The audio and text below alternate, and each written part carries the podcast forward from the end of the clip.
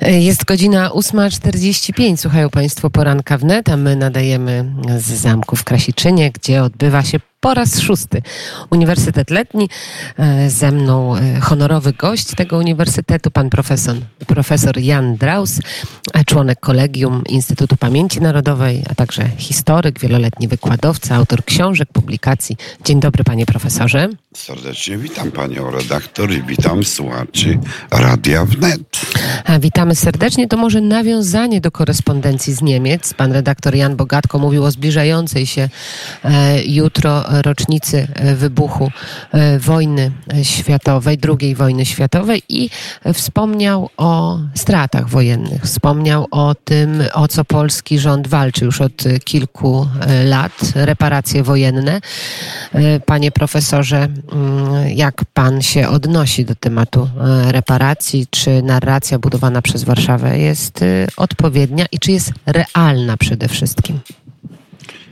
No, w końcu po raz pierwszy po II wojnie ktoś się upomniał o reparacje, które się należą, bo ten, kto zniszczył, powinien wynagrodzić, a nie uchylać się od, od reparacji.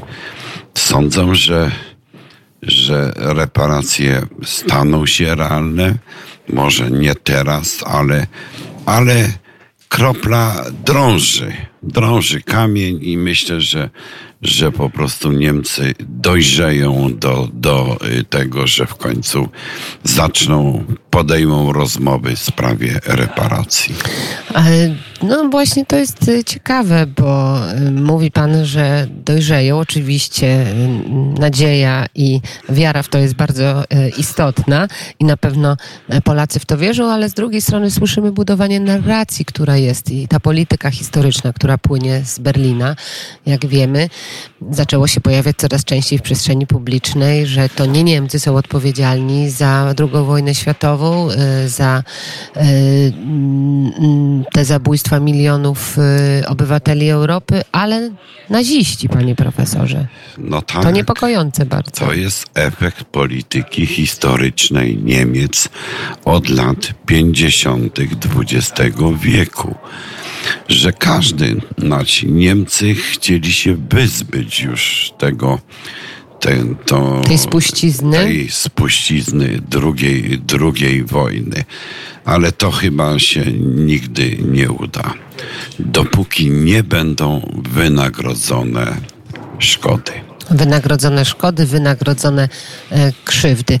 Znajdujemy się na zamku w Krasiczynie. Pan profesor jest związany z Podkarpaciem, zresztą tak jak większość dzisiaj naszych gości, e, z tym regionem Polski. Jesteśmy blisko granicy z Ukrainą. Mm, oczywiście wiemy, jaka sytuacja jest na Ukrainie. Pan jako historyk przygląda się tym trudnym relacjom polsko-ukraińskim.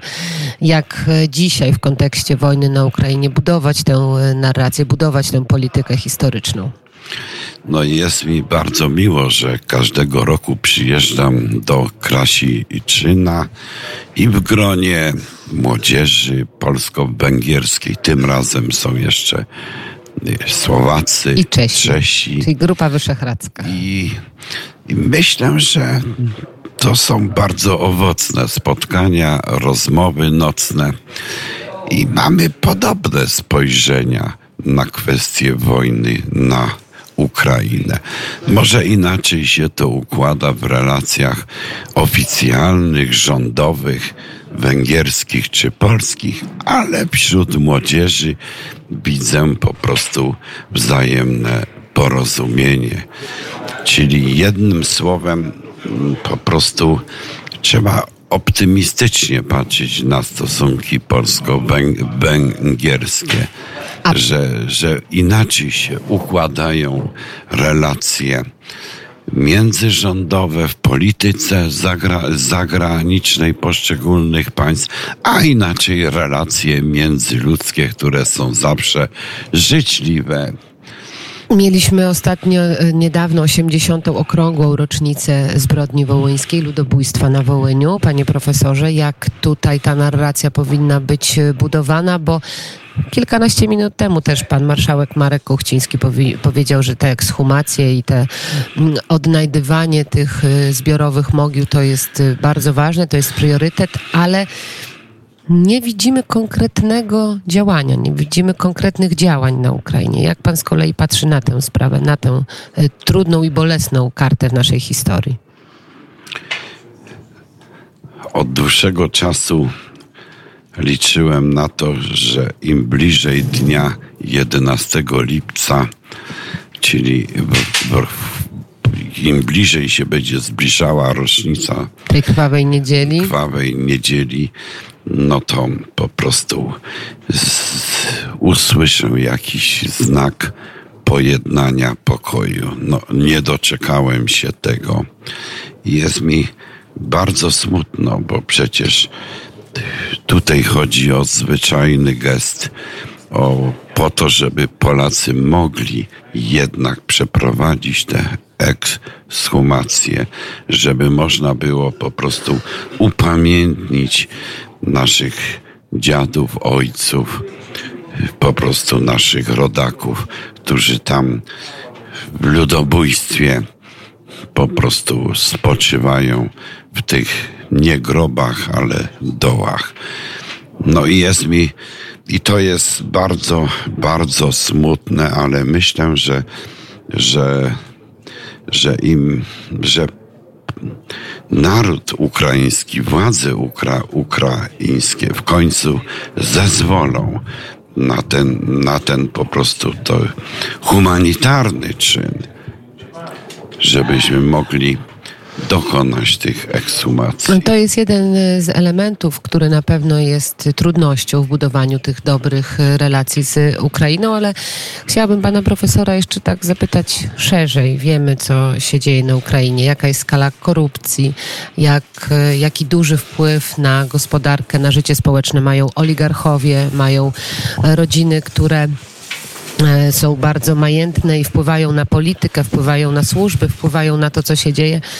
E, kiedy i czy e, Ukraina będzie mogła należeć do Europy Środkowej. Już nie mówię nawet o Unii Europejskiej, tylko kiedy mm, te standardy się zmienią i jak pan dzisiaj patrzy na to właśnie, jak, jak wygląda władza, jak wygląda ustrój w tym kraju, już abstrahując od wojny im, im dłużej trwa ta, trwa ta wojna, no Polacy otwarli serca dla narodu ukraińskiego. Mamy właściwie codzienny dialog ze społecznością ukraińską w Polsce. I uczymy się też, poznajemy ich ichniejszą rzeczywistość.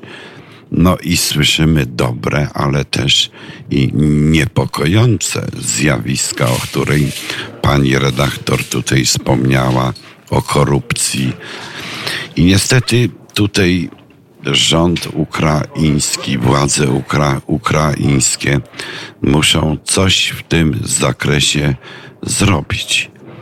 Bo to bo ostatnio słyszymy, że nawet w Ministerstwie Obrony Ukra Ukrainy doszło do jakichś nieporozumień czy, czy nawet korupcji.